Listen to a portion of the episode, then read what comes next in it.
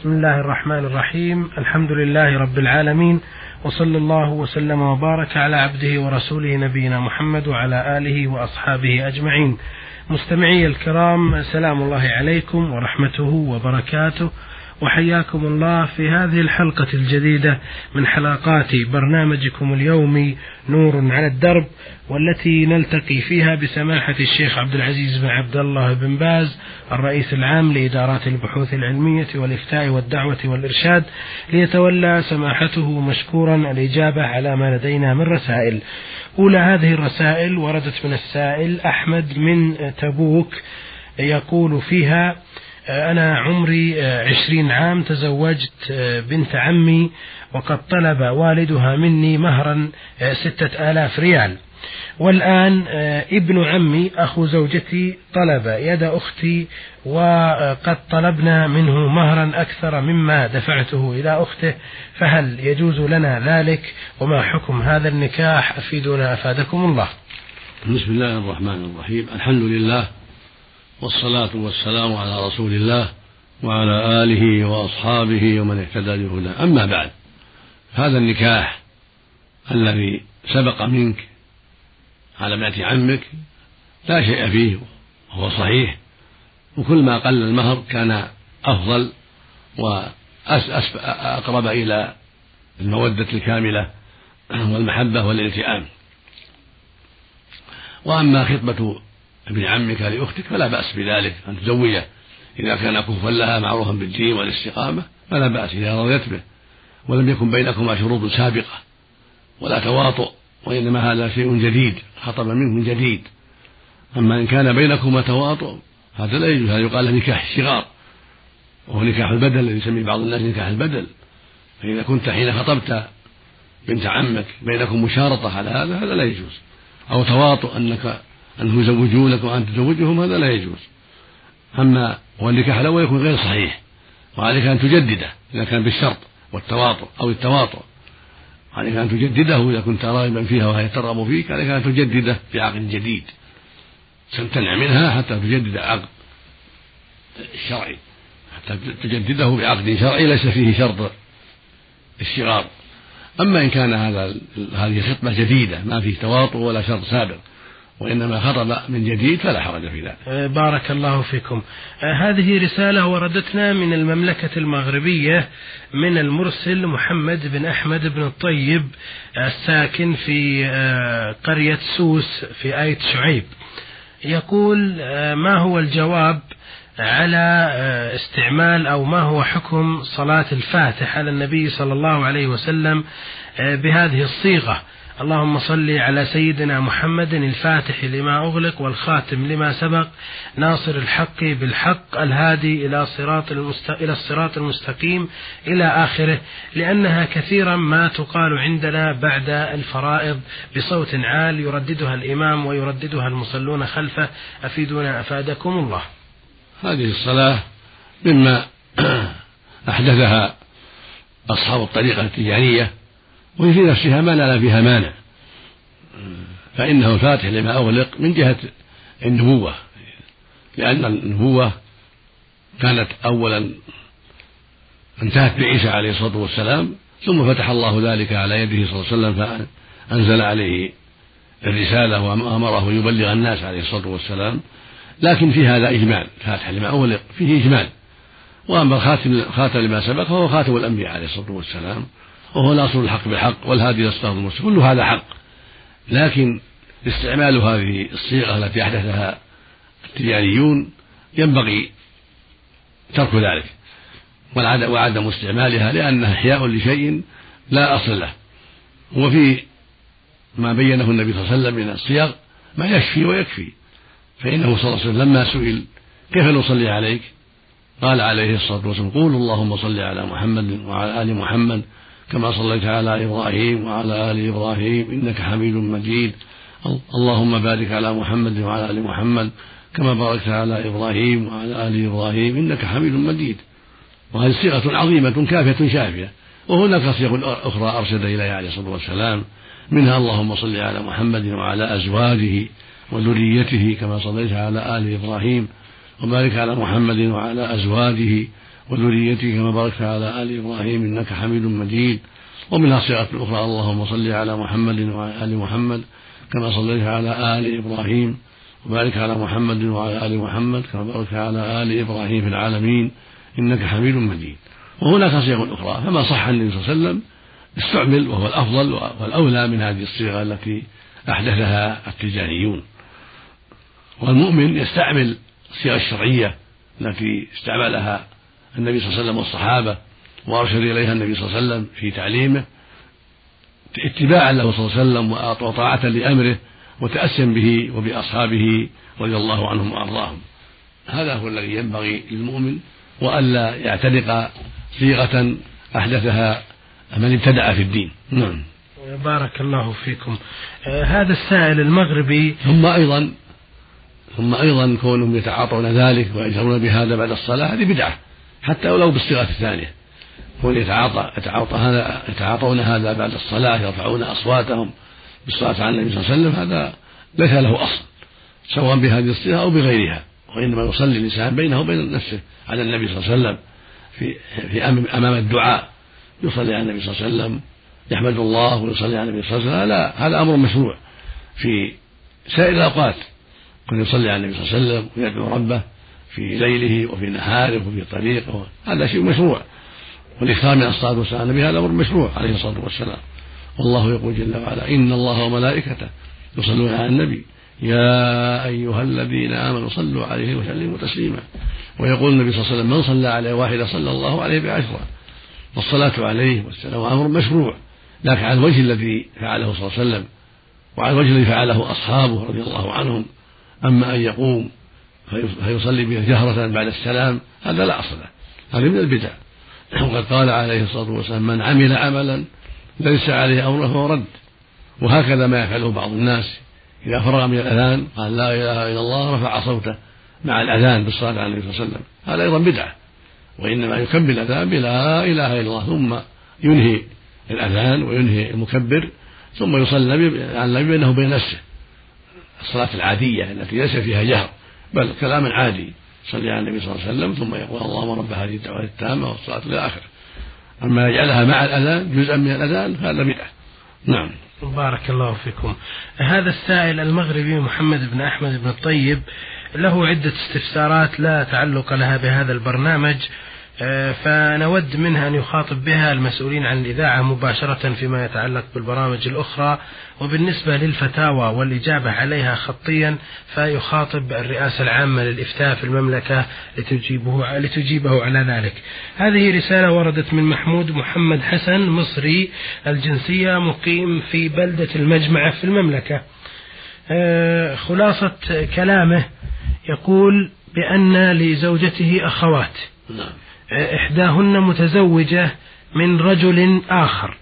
له أخ يرغب في الزواج من أخت ثالثة لكن هذه الأخت الثالثة ترفض وأبوها وأمها آه، يريدان الزواج من هذا الشاب. وهي رفضت فيقول احتلت عليها على أخت زوجته وأخذت منها شهادة ميلادها وذهبنا إلى المأذون أنا والزوج الجديد وعقدنا أنا نيابة عنها. فما حكم هذا العقد؟ أفيدني أفادكم الله. هذا لا يجوز إذا كانت لم ترضى لا يجوز ولا يجوز أن تخدع ولا يكذب عليها لا بد من رضاها. يقول النبي صلى الله عليه وسلم لا تنكح الأيم حتى تستأمر ولا تنكح لك حتى تستأذن. قال يا رسول الله كيف وكيف إذنها؟ قال أن تسكت. فلا يجوز أن تخدع ولا يكذب عليها بل يجب أن تستأذن صراحة. قال خطبك فلان فإذا أذنت بالكلام أو بالسكوت إن كانت بكرا كفى ذلك. أما يؤخذ شهادة الميلاد ويقال أنها راضية وهي لم ترضى هذا غلط. يقول لا يجوز. قد تم الزواج منذ أربعة أشهر. الزواج وإذا كان إذا رضيت بعد ذلك إذا كانت رضيت بعد ذلك يعاد يجدد النكاح. أما النكاح هو باطل. إذا أجبرت عليه إذا كان أجبرت عليه وأدخلت عليه بجبر فهو باطل. أما إن كانت علمت ثم رضيت بعد الزواج هذا محل نظر. والصواب أنه يجدد النكاح لأنها حين عقد عليها لم ترضى. ولأن هذا باب شر ينبغي أن يسد. فلا بد من تجديد النكاح لأنها حين عقد عليها لم تعلم ولم ترضى. فلا بد من إذنها إما بالكلام إن كانت غير بكر وإما إن كان وإما بالسكوت إن كانت بكرا إذا سكتت كفى. الحاصل أن هذا الزواج لا يجوز بل هو باطل ومنكر ولا يجوز تعاطيه. لأن الواجب استئذان المرأة قبل أن تزوج سواء كانت بكرا أو ثيبا حتى ولو كان أبوها. الصحيح أن يجب عليه يستأذنها فإن أذنت بالسكوت كفى نعم. بارك الله فيكم. آه هذا ميم عين جيم مدرس آه مصري آه مقيم في المملكة. آه، بعث إلينا برسالة ضمنها أمرين. الأمر الأول آه، يقول آه، يقول الله تعالى في كتابه الكريم للذين يؤلون من نسائهم تربص أربعة أشهر فإن فاءوا فإن الله غفور رحيم وإن عزموا الطلاق فإن الله سميع عليم. أسأل ما معنى هذه الآية وما المقصود بالإله أفيدنا أفادكم الله. الإله هو اليمين يؤلون يعني يحلفون والآلية هي اليمين. فالمعنى انه إذا قال والله لا أطأك. فانه يمهل اربعه اشهر فإن وفى فإن رجع يعني فإن فاء ورجع فالحمد لله وطئها وإن استمر فإنه يوقف إذا طلبت ذلك. إذا طلبت أنه يجامعها أو يطلقها فإنه يوقف يوقفه ولي الأمر. ويقال له إما أن تفي وترجع وتجامع أهلك وإما أن تطلق. المدة أربعة اشهر ما زاد عليها يمنع إلا برضاها. إذا لم إذا سمحت لا بأس. وإلا فإنه يوقف فإن شاء طلق وإن شاء رجع وفاء واتصل بها نعم. بارك الله فيكم آه الأمر الثاني الذي ضمنه هذه الرسالة هو ما يجده كثير من الناس من الحرج في السفر عن زوجاتهم مدة آه تزيد عن آه أربعة أشهر أو ستة أشهر ويستشهد بما حصل من أمير المؤمنين عمر بن الخطاب رضي الله عنه آه، وسؤاله لابنته حفصة وإفادتها له وكأنه يحتج في ضمن كلامه على الجهات الحكومية التي تمنع العاملين لديها المغتربين من السفر إلى زوجاتهم وفقا لهذا الحكم الشرعي كما يقول أفيدنا أفادكم الله. ينبغي للزوج أن يحرص على الاتصال بزوجته وعدم طول الغربة لأن هذا فيه خطرا عليها وخطرا عليه أيضا هو فمهما أمكن أن يكون له عناية بهذا الأمر وأن تكون الغيبة ستة أشهر فأقل. هذا هو الأحوط وهذا هو الذي ينبغي لأن الخطر عظيم على الصنفين على الطرفين. لكن إذا تغيب أكثر لمصلحة العمل طلب الرزق فلا بأس عليه بذلك على أن يحتاط في حقها بأن تكون عند أهلها المضبوطين أو عند أهله. تكون فيه محل مضبوط وإلا فلا يسافر بل يبقى عندها ولو عمل عملا قليلا. يقوم بحاله وحالها لا يخاطر في موضوعها بل يكتفي بالعمل في بلاده وحول أهله ولو كان قليلا ولا يحمله الطمع والجشع إلى السفر للبلاد البعيدة ويضيع أهله. فالمقصود من هذا أن الواجب على المؤمن أن يعتني بأهله وأن يصونهم وأن لا يسافر عنهم سفرا يضيعهم. فإذا كان السفر يطيعهم ويسبب خطرا عليهم في عرضهم فهذا لا يجوز له. بل يجب عليه أن يرعى حقها أو يطلقها إذا لم تسمح. وعليه بكل حال أن يعتني بأسباب سلامتها من جعلها عند أهله إذا كان أهله يعتنون بها ويحفظونها أو عند أهلها إذا كان أهلها يحفظونها ويعتنون بها. وكان أيضا في حاجة إلى السفر ومهما أمكن يكون السفر قليلا كستة أشهر أو أقل من ذلك كأربعة أشهر أو ثلاثة أشهر فهذا هو الأولى والأحوط له ولها. فإن اضطر إلى ذلك وكانت مصونة محفوظة فلا حرج في ذلك إن شاء الله لأن طلب الرزق أمر مطلوب ولأن المدة ليست في اختياره قد لا يتيسر من من طلبه للعمل أن يفسح له في الرجوع قبل ستة أشهر أو في ستة أشهر قد يحتاج إلى أكثر من ذلك ويكون صاحب العمل محتاجا إلى بقائه أكثر من ذلك فالحاصل أنه يراعي المصلحة ويعتني بحفظ زوجته ولا يتساهل في ما يسبب شرا عليه أو عليها بل يراعي هذه الأمور ولو بترك السفر وطلب الرزق في بلاده ولو كان قليلا. بارك الله فيكم.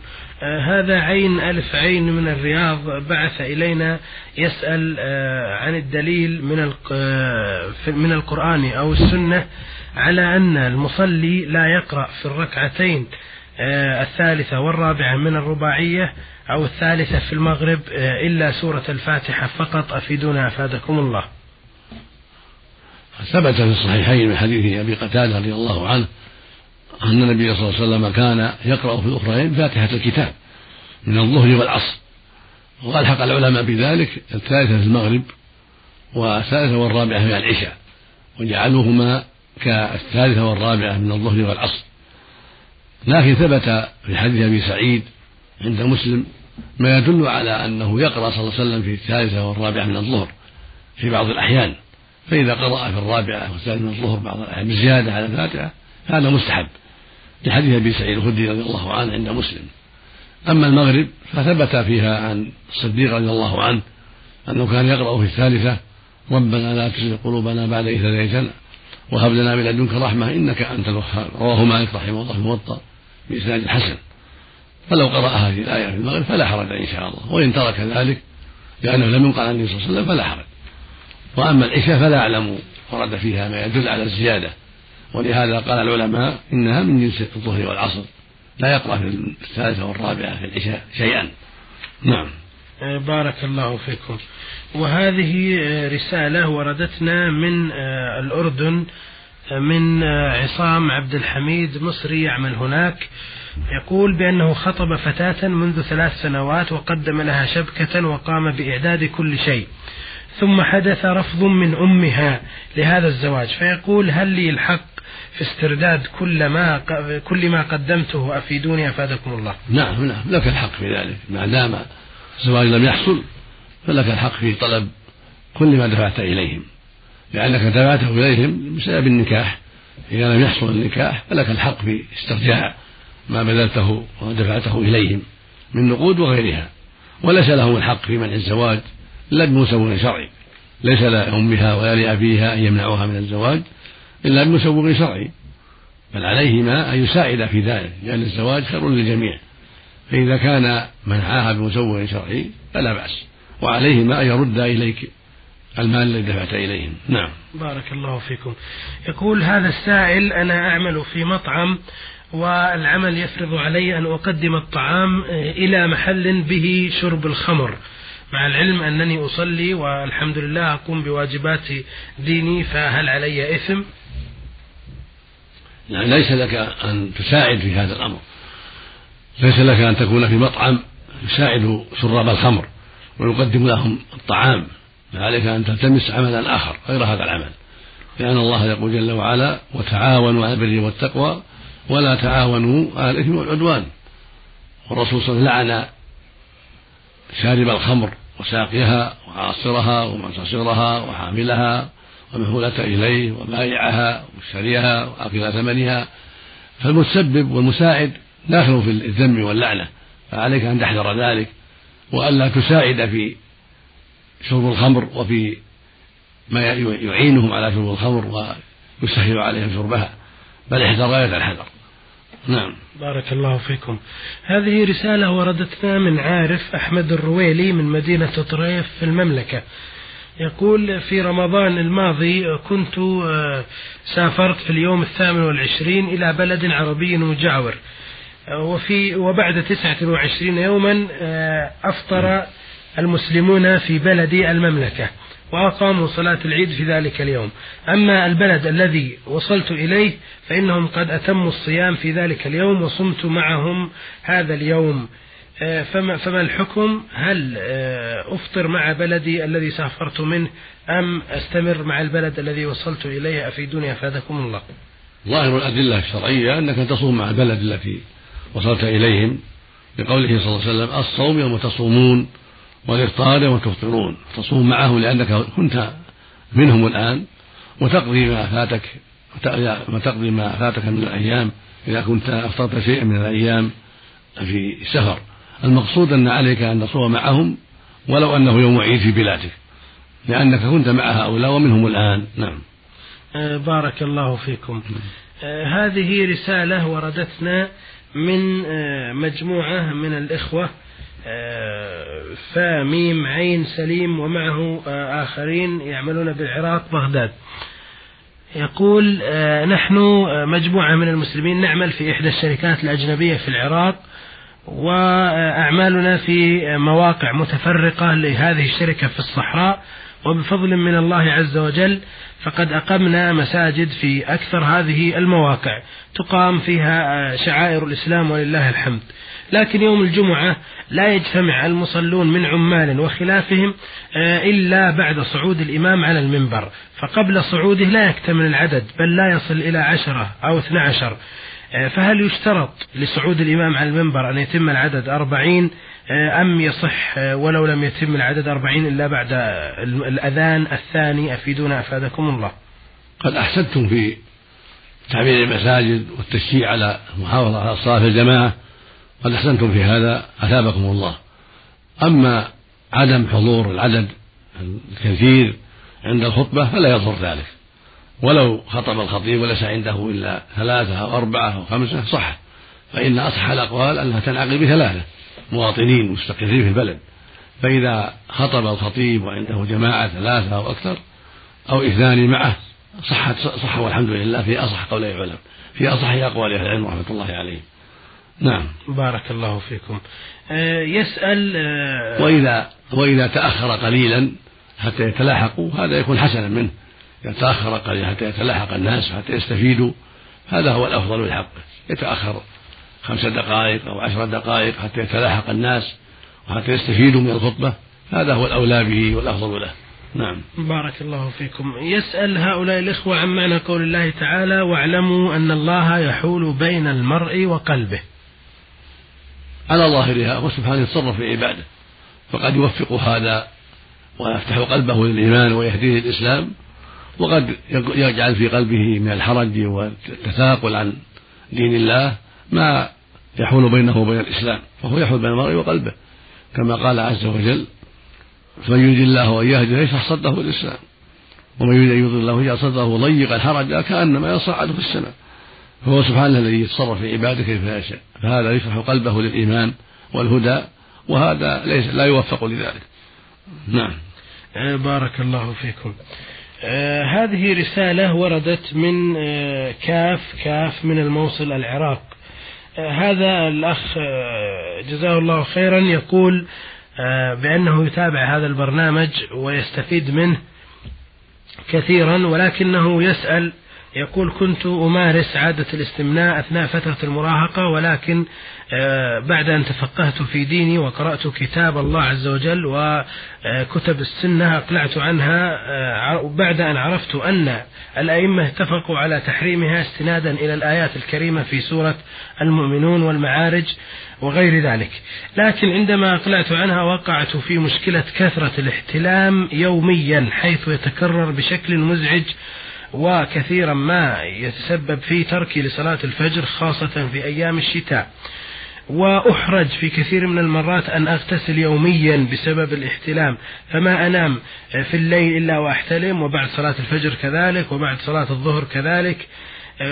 فعدت مضطرا إلى استعمال الاستمناء لأجل تخفيف الاحتلام. فهل يجوز لي هذا أم لا؟ أفيدني أفادكم الله. الواجب عليك الاستمرار في ترك هذه العادة السيئة. والحذر منها وسؤال الله العافية مما أصابك وتعاطي الأسباب التي تخفف عنك شدة الشهوة. فإن هذا له علاج شدة الشهوة لها علاج. تتصل بالأطباء وتأخذ بعض العلاج. وكذلك الصوم من العلاج. إذا تيسر لك الصوم تصوم فإنه من العلاج كما أرشد إليه النبي عليه الصلاة والسلام حيث قال يا معشر الشباب من استطاع منه الباء فليتزوج فإنه أغض للبصر وأحسن الفرج ومن لم يستطع عليه بالصوم فإنه له وجه. فإن كنت تستطيع الزواج فبادر يا أخي بالزواج سارع إلى الزواج واستعن بالله. ولو استدنت في هذا بعض الدين أو بعض القرض استعن بالله وبادر بالزواج. واغتنم صحتك وعافيتك واغتنم أيضا البعد عن الخطر. فإن كنت لا تستطيع الزواج فعليك بأسباب تخفيف هذا هذه الشهوة. بالصوم فإن الصوم يضيق مجال الشيطان أو بتعاطي بعض الأدوية التي تخفف هذا الأمر. تسأل الأطباء المختصين ولن تحرم شيئا من مما يعينك على السلام من هذا من هذه الشدة. ولا بد من الغسل. كل ما حصل كل ما حصل هذا الشيء لا بد من الغسل. إذا احتلمت ورأيت المني فلا بد من الغسل في الفجر وغيرها. واستعن بالله ولا تساهل ولا تطع الشيطان. بل بادر بالغسل وصلاة الفجر في الشتاء والصيف. واستعن بالله سبحانه وتعالى. ولكن أهم من ذلك المبادرة بالزواج والحرص على أن تريح نفسك من هذا البلاء بالزواج الشرعي.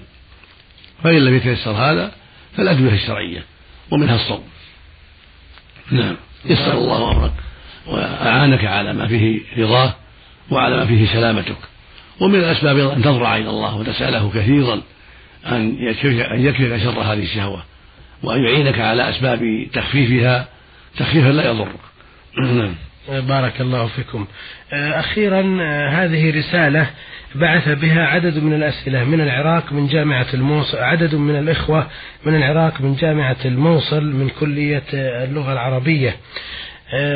هؤلاء لهم عدة أسئلة كل سؤال على حدة لكن في هذه الحلقة لا نتمكن إلا من عرض سؤال. الأخ عبد المجيد عبد الله من ذي قار يقول أنا من عائلة متوسطة الدخل وأشتغل في العطلة الصيفية بعمل شاق جدا لأساعد عائلتي في مصاريفها ويوافق عملي هذا في الصيام ولا أستطيع التوفيق بين العمل والصيام. فهل يجوز لي أن أصوم في غير شهر رمضان آه، لأستمر في عملي؟ أفيدوني أفادكم الله. الواجب على المؤمن إذا جاء رمضان أن يصوم رمضان وإذا كان في أعمال شاقة فليخفف منها من أجل الصوم.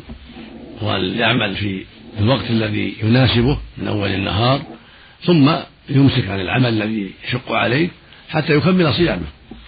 والله جعل هذا الصيام فرضا وركنا من أركان الإسلام. قال النبي صلى الله عليه وسلم بني الإسلام على خمس شهادة أن لا إله إلا الله وأن محمدا رسول الله وإقام الصلاة وإيتاء الزكاة وصوم رمضان وحج بيت الله الحرام. الواجب على كل مسلم وعلى كل مسلمة صوم هذا الشهر ويجب الحذر من كل ما يعوق عن ذلك. والأعمال لا تنتهي ولها أوقات كثيرة. ففي إمكان للمؤمن أن يجعل عمله في الليل أو في أول النهار حتى لا يشق عليه العمل في وسط النهار. المقصود أن عليك أن تعمل الأسباب التي تعينك على الجمع بين الأمرين بين الصيام والعمل على وجه لا يضرك. هذا هو الواجب عليك أما الإفطار فلا يجوز لك. نعم. أه، بارك الله فيكم. بهذا مستمعي الكرام نصل إلى ختام هذه الحلقة. فنشكر سماحة الشيخ عبد العزيز بن عبد الله بن باز على إجاباته. ونسأل الله تبارك وتعالى أن يثيبه ويجزيه خيرا. ونشكركم على حسن متابعتكم. ولكم تحية من عبد الله عريف مسجل هذه الحلقة. وإلى الملتقى بإذن الله تعالى. نستودعكم الله. والسلام عليكم ورحمة الله وبركاته.